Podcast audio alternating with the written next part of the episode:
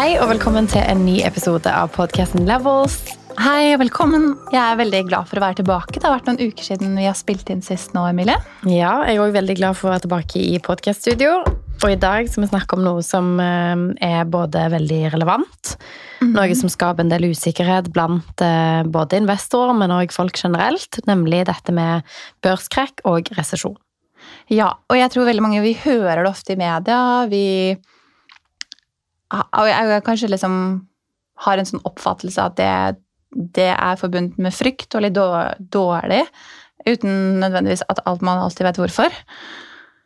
Um, kan ikke du fortelle oss hva er et børskrakk, Emilie? Um, Børskrekk er jo når eh, markedet korrigerer seg eh, Ja, den eh, offisielle definisjonen er vel når det korrigeres eh, 40 um, Når hovedindeksene i markedet er nede eh, signifikant. Det vil si at eh, altså, verdien på aksjer faller. Det stemmer. Eh, Dette skjer ofte i et marked hvor man har høy inflasjon, altså pengenes verdi er mindre enn det det har vært tidligere. Man har flere rentejusteringer, og det er jo et marked som vi går inn i nå. Derfor er det mye frykt. Børsen er nede, inflasjonsnivået har ikke vært høyere i USA siden 80-tallet. Og man har eh, veldig mange varsla eh, rentehevninger. Eh, det er jo òg tilfellet i Norge, blant annet. Ja, og det har jo vært ganske mye snakk om det her i det siste, at eh, nå må vi forvente oss en ny krise. Og er det noen grunn til at plutselig så har det oppstått nå? Altså, nå har man jo hatt en historisk eh, lang periode med god avkastning i markedet. Eh, vesentlig lenger enn det man har hatt noen gang tidligere. Sånn at man har jo i veldig mange år spådd at nå kommer krisen, fordi at man har gått så lang tid med eh, gode dager i markedet. Eh, det man ofte hører når man snakker om gode og dårlige tider i aksjemarkedet, er jo dette med bull eller bear, eller da okse eller ja, kan ikke fortelle, Bjørn. Du, vi snakket om det her, kan ikke du forklare litt tydeligere? Jo, ofte så hører man at ok, nå er vi i et bear market, nå er vi i et bull market. Eh, og det er en av de uttrykkene som jeg tenkte vi kunne forklare her. Hvis du ser for deg en okse, så har oksen horn som går oppover. Ja. Da er markedet stigende. Så når noen sier vi er et bull market, så går børsen oppover, markedet er bra. Hvis du tenker på en bjørn, så har bjørnen eh, klør, hender, som omfavner seg nedover, og som da signaliserer et marked som går nedover. Så overskrifter man kan se nå, er jo at man er på vei inn i et, eller man er i et bear market, på vei mot en resesjon eller en korreksjon i markedet. Og det vi eh, har tenkt, er jo at eh, dette er jo naturlig.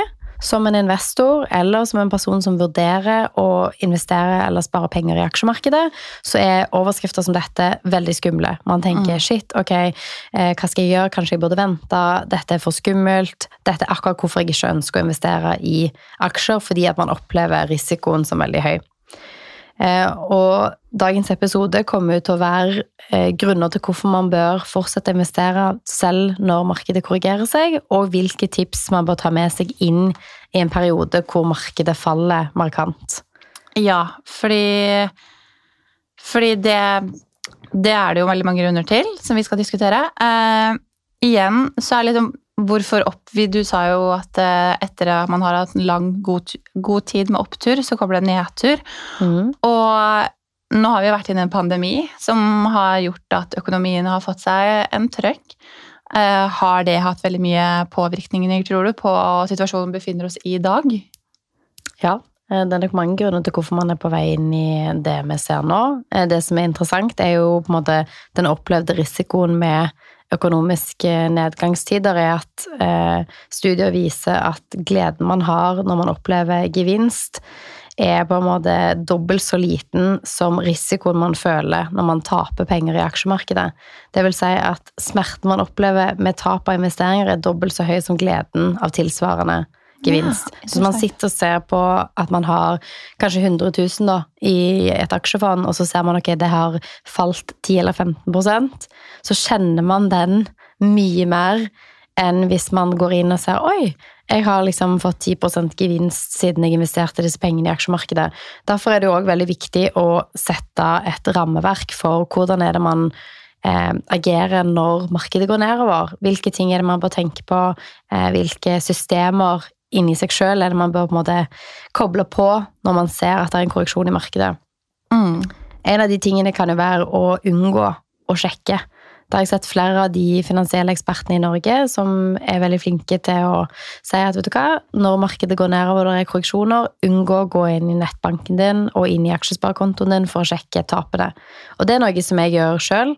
Jeg er veldig sjeldent inne og sjekker saldoen på min aksjesparekonto fordi at jeg vet at de pengene som jeg har investert, er langsiktig. Så det er helt urelevant for meg om det er en korreksjon på 30% nå, eller 15% eller 10% eller om jeg har 30% avkastning. Det er helt irrelevant, for de pengene skal ikke brukes før om 15 år uansett. Og det er eh, noe man kan trene seg litt opp til òg. Veldig ofte så føler man jo veldig mye risiko når man investerer. Man kjenner sånn Oi, dette er mine penger. De, jeg vil kunne ha det, jeg vil kunne ta de ut i morgen. At man føler på veldig mye sånn frykter rundt det å tape penger. Men det hele bunner ned i at når du investerer i aksjemarkedet, prøv å tenke at dette er ikke mine penger. Dette er penger for framtidig meg. Dette er penger som jeg ikke skal bruke i morgen, ikke neste uke, ikke i slutten av året. Det er ikke penger jeg skal bruke til bolig om to år. Dette er penger for langsiktig sparing som jeg ikke skal bruke før om 10-15 år. Da klarer man å på en måte ta de langsiktige brillene på. Da har det ikke noe å si om en korreksjon som man så i 2008 skjer igjen, fordi at de pengene skal ikke ut. Du skal ikke realisere. Eh, og, og, det som på en måte kanskje er liksom litt spennende å, å, tenke på, er jo at veldig mange fokuserer jo på den økonomiske nedgangstiden. da Man er veldig sånn eh, Nå kommer det dårlige tider. Men det som på en måte eh, man kan se historisk, da, er at et bear market, eller et marked når det kommer korreksjoner Når det går nedover. Når det går nedover eh, de varer eh, som oftest i eh, ni måneder cirka. Mm. Er liksom average-tiden til ni måneder til to og et halvt år cirka. Det var jo ganske spesielt i 2008, men et, Er ikke det sånn typisk 200 et eller annet antall dager? Jo, så eh, det står at den gjennomsnittlige lengden på et bear market er 289 dager. Mens eh, den eh, average lengden på et Eh, bull market, altså at markedet går opp, er på 991 dager, eller 2,7 år. Det vil si at den perioden hvor du på en måte er nødt til å liksom, ok, la være å logge inn på aksjesparekontoen din, virkelig se vekk ifra at det er en korreksjon, det er betydelig mindre enn den tiden som du da nyter godt av at du har penger investert. Mm. Så det er jo noe fint å tenke på når man ser de korreksjonene som man ser nå. Et annet veldig godt tips er at når det er korreksjoner i aksjemarkedet, så kan man nesten si at det er akkurat som man handler på salg, da. At ting er billig, aksjer er billig, aksjefond er billig. Sånn at hvis du har en avtale med deg sjøl om at jeg sparer 5000 hver måned i DNB teknologifond, f.eks. Mm. Eh, nå tar jeg bare et helt hypotetisk tall. Ja, ja. Si at eh, en fondsandel var eh, 100 kroner eller 1000 kroner. Så når du sparte for 5000 i måneden, så fikk du fem fondsandeler. Hvis eh, markedet korrigerer seg, og én fondsandel plutselig koster 500, mm. så får du jo da dobbelt så mye fondsandeler som det du vanligvis ville fått for det sparebeløpet som du har i måneden. Det vil si at de som fortsetter å spare fast gjennom en økonomisk resesjon Får jo mye mer. De får mye mer. Sånn at de får jo faktisk dobbelt så mye. Sånn at hvis du da holder Kjøp lav, selv høyt. Ikke sant? Så hvis du holder på posisjonen din gjennom en sånn resesjon, da, og sier at det som, som vi har sett her, varer 289 dager, så har du jo dobla det du har kjøpt i fondsandeler gjennom et helt år. Og etter den resesjonen da er over, så vil man jo ha dobbelt så mye i markedet når markedet korrigerer seg tilbake igjen. Så det å på en måte tenke veldig sånn kritisk på at fortsett med den sparingen som du har hatt. Hvis du har mulighet, øk sparingen fordi at du vet at du får mer. Så tror jeg det er veldig viktig å tenke at du ikke skal prøve å time markedet. At ok, nå vet vi at eh, børsen i USA er ned 20 eh, eller at Eh, SMP er ned 23 eh, i år, f.eks. Mm. Da skal man ikke sitte og time. Si at du f.eks. har 50 000 du ønsker å investere, og så tenker du ok, men jeg tror det går ned til 30% eller jeg tror det går ned til 35% Ja, du kan være heldig, og du kan treffe akkurat når båndet i bøtta er liksom Nå er det liksom skikkelig her her snudde vi fra å være i en resesjon til å være på bedringens vei, men de aller fleste klarer ikke å treffe på den måten. Så det viktigste er bare investere jevnt og trutt gjennom en sånn periode. Øk hvis du kan, fordi at du kommer til å få mer ut av det når den perioden er ferdig. Bra. Um, vi vet at det kommer et uh, børscrack. Uh, det vil bli nedgangstider. Mm. Vi vet jo litt hva det går ut på, vi vet man, at man skal stå i det for å komme igjennom. Mm.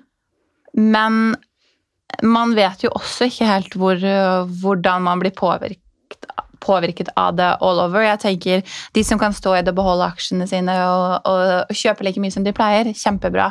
Men så er det jo de som kanskje ikke kan det, da, fordi man, er, fordi man går på en smell. Er det noen måter liksom, man kan planlegge for? for å, for å, på en måte sikre seg litt da, før det her kommer. fordi vi vet jo at det kommer. Det er jo bare et spørsmål om tid. Nå vet vi at vi står overfor noe som kanskje kan komme veldig snart. Mm. Eh, vi har hørt om renteøkningen som kommer. Mm. Flere renteøkninger. Flere. Mm. Um, hva tenker du man skal gjøre jeg tenker Først og fremst er at uh, du har på en måte ikke tapt investeringen din før du realiserer. Der veldig mange taper i en resesjon eller i en korrigering i markedet, er jo at man innløser pengene sine. Si at du har 100 000, da, hvor f.eks. 30 000 er avkastning og resten har du investert. Så logger du inn på nettbanken din og ser at oi, de 100 000 har nå pga. børs eh, eller tap i markedet har nå blitt 30 000. Så blir man så stressa at man innløser, man tar ut pengene av markedet.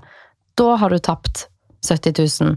Men hvis du lar de pengene stå, og ikke innløser de før den perioden er over, som vi nå har avklart at uh, gjennomsnittlig er 289 dager, så vil du fremdeles ha 100 000 når du logger inn igjen.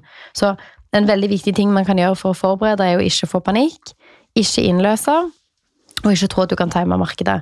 Mm. Ellers så har vi jo mange andre tips. Et av tipsene er jo at når man kommer inn i en periode med økonomisk uro, eh, ha et, um, en bufferkonto, rett og slett, med penger som er spart opp på en sparekonto som er tilgjengelig. Eh, det gjør jo òg at du slipper å innløse penger du har i fond fordi at du har penger på sparekonto. Lurt. Så hvis du skal komme i en eller annen krise hvor du trenger vaskemaskinrøyk, du trenger 10 000, ok, da trenger du ikke innløse penger i fond som du gjerne har tapt på. Du kan ta de ut fra en sparekonto. Der er det jo veldig varierende hva man anbefaler å ha, men mellom tre til seks måneder med kostnader er fint å ha på en sparekonto. Meg og deg er selvstendig næringsdrivende, så for oss er det kanskje lurere å ha en høyere buffer. Har du en veldig fast og trygg jobb i f.eks. staten, så kan det gjerne være greit å ha to eller tre måneder. Mm. Eh, det er noe man må avveie litt sjøl. Så er det jo klart at har du lavere kostnader på en månedlig basis, så trenger ikke det beløpet å være så høyt, f.eks.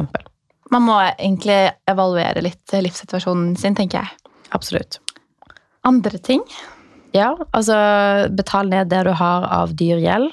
Um, når rentenivåene øker, um, så blir det jo dyrere å låne penger. Hvis du har forbruksgjeld eller forbrukslån av noe slag, noe som har høyere rente enn et klassisk boliglån eller studielån, så anbefaler jeg å aggressivt betale det ned i så stor grad man kan.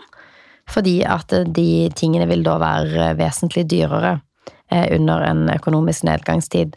Så nå tenker jeg ikke på eh, boliglån eller studielån, men alt av andre typer forbrukslån. Bra. Eh, en annen ting man kan gjøre, er jo f.eks. å se etter det vi snakket om veldig ofte hver eneste podkast, tror jeg. En liten side hustle eller en ekstrajobb. Absolutt. Er det noen måte man kan øke inntekten sin på ved å ta en ekstra vakt, eh, jobbe Jeg vet at jeg har veldig mange venninner som jobber som crew. Mm. Eh, ofte på arrangementer, fordi man kan jobbe på kveldstid, man kan jobbe i helgene. Ofte hvis man har en vanlig 9-4 eller 9-5-jobb, som de aller fleste har.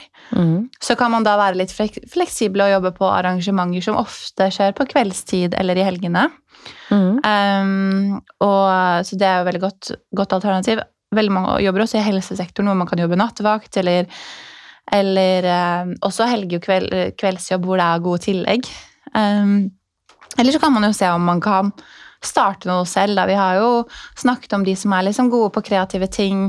Er du webutvikler, kan du designe hjemmesider eller ha tilby en form for servicetjeneste? Um, er man vippetekniker eller nei-tekniker, men egentlig jobber et annet sted, eller kan man ta seg et lite kurs og bli det, så tror jeg det er en veldig god form for ekstra inntekt.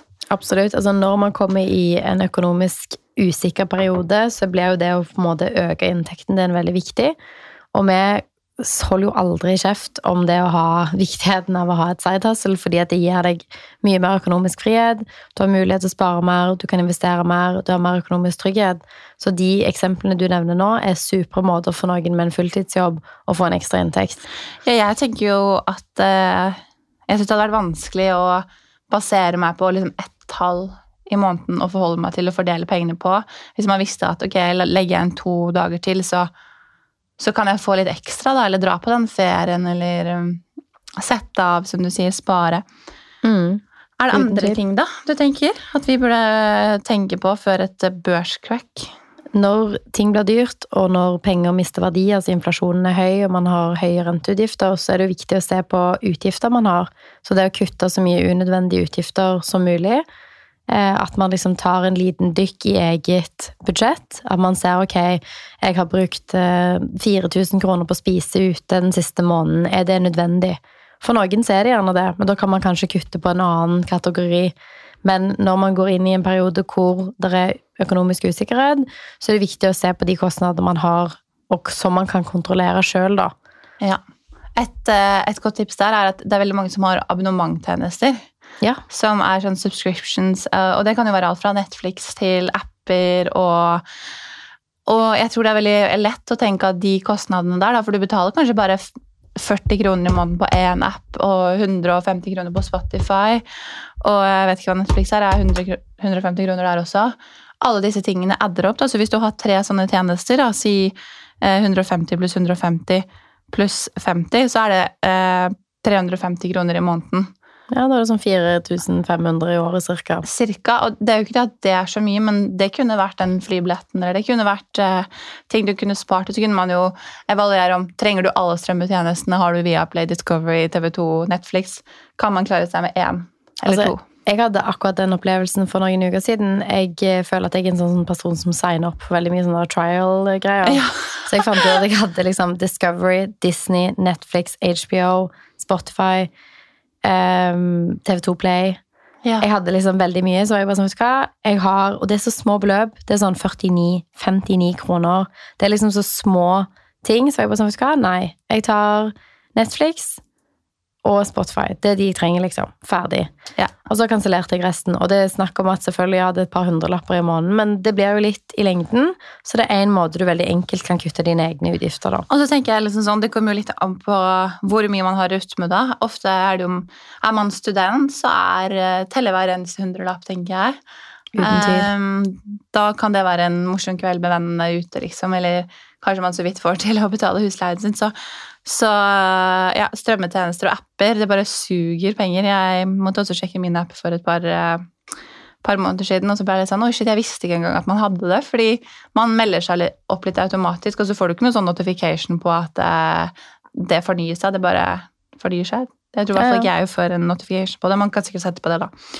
Men um, det er veldig mange ja. små tips der med på en måte mindre utgifter som man eh, ikke helt vet at man, man bruker penger på, annet strømmetjenester. Ja. Er det flere ting du tenker? Vi har vært litt inne på det, men kanskje den siste tingen er at i økonomiske nedgangstider så blir folk veldig redde for å investere og spare. Mm. Så se etter muligheter i den perioden. Um, Enten om det er snakk om å, eh, at det blir billig å kjøpe eiendom, f.eks. Ok, kanskje det er din mulighet til å komme inn på eiendomsmarkedet. Mm. Gitt at du har gode nok marginer selv om rentekostnadene går opp, eller at eh, det er billig å kjøpe fond eller aksjer. Ok, hvis du har penger til overs, da, bruk den muligheten på å faktisk få god avkastning. Veldig mange av de folkene som holdt posisjonen sin gjennom 2008, Eh, ble superrike av det, fordi at de ikke innløste, fordi at de fortsatte å investere. Sånn at måten man reagerer på i en resesjon eller i en eh, børsnedgang, er jo på en måte det fundamentet du bruker for å bygge velstand framover. Ja. Så det er veldig viktig, og jeg tror det, det, er kult Altså, det er ikke kult med økonomisk nedgangstid, men vi er 28-29 år. Vi har egentlig aldri opplevd en markedskorreksjon på en sånn måte. Vi hadde ikke penger i 2008. Kanskje vi hadde komf-penger, liksom, men det var ikke snakk om Jeg vi hadde hadde også flaskepenger. Jeg fant sykt mye flasker, men det ikke sånn De sto ikke i markedet, antar jeg. Sparegris? Nei. Nei. Det er jo et tips, da. Hvis man har, eh, trenger en liten side hustle. Pante flasker. Vi hadde en liten sånn gutt der jeg um, Han var vel kanskje lite lenger, men jeg husker det. Han var eh, sånn kremmer sånn fra, fra han var fem år, så så fort han kunne gå, så gikk han langs veien da og plukka opp alle flaskene. Det var vel det Warren Buffett startet med, var det ikke? Eh, ja, det var kanskje det.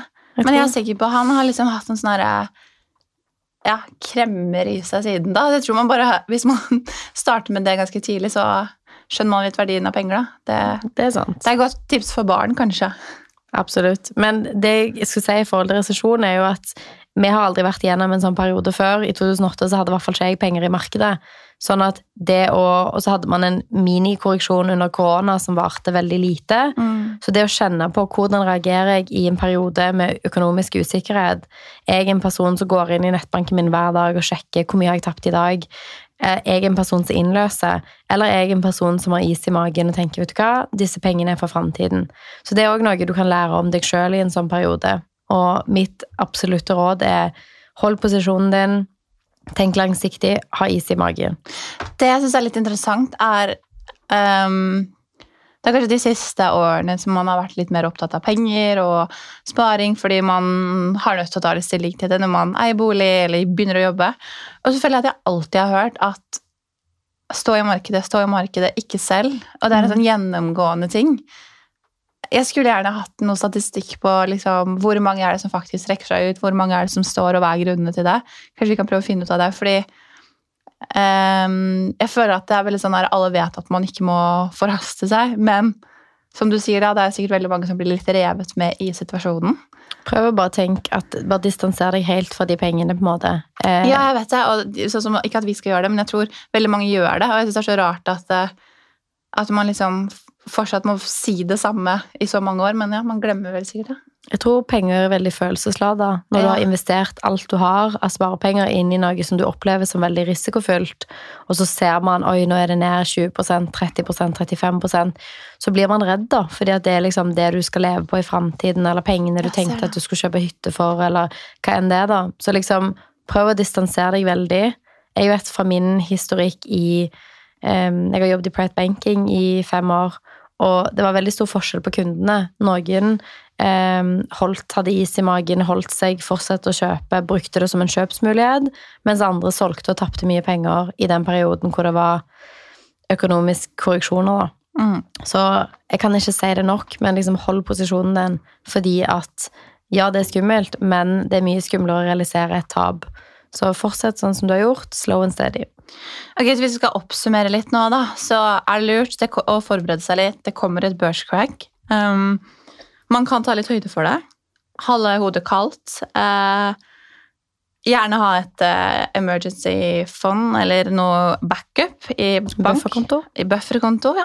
Mm. Uh, fra kanskje to til seks måneder, litt ettersom. Og så må man jo evaluere livssituasjonen sin, hvor mye man trenger. Mm. Uh, betale ned alt av dyr gjeld. Mm. Og da tenker man jo ikke på liksom huslån og studielån, men sånn kredittkort, forbrukslån. Mm. Se etter en liten sidejobb, side hustle. Vi kommer med gode forslag her, uh, syns jeg. Ja. Den aller beste var pante flasker. Eh, Nei. Eh, men se etter en side hustle, gjerne noe du liker, og noe du kan gjøre utenfor din vanlige jobb. Kutte unødvendige kostnader som apper, abonnementtjenester, er du støttemedlem på gym altså, Det er mange ting her. Og så se på eh, muligheter som alle andre ser bort fra. Og det er jo kanskje å investere i et marked som er nede. Mm. Ehm, ja, er det noe mer du tenker at vi skal gjøre for å forberede oss på børscrack? Jeg tror eh, at eh, det vi har sagt flere ganger her, ikke tenk at du klarer å outsmarte markedet. Ikke tenk at du vet når bunnen er. Fortsett å spare sakte og sikkert hver måned, akkurat som du har gjort hele tiden. Um, og ikke bli redd og selv i en sånn periode. Good. Ja. Da er vi klare for børscrack, we. Yes. Nei, men det var veldig bra. Emilie, du hadde supermange gode tips her. Eh, Jeg håper at veldig mange tar med seg de tipsene inn i de neste månedene vi går imot nå. Det blir uansett veldig, veldig spennende å se. Skummelt, spennende, men eh, man skal komme ut av det bra også. Takk for i dag. Takk for i dag. Vi snakkes i neste uke. Det gjør vi. Ha det. Ha det!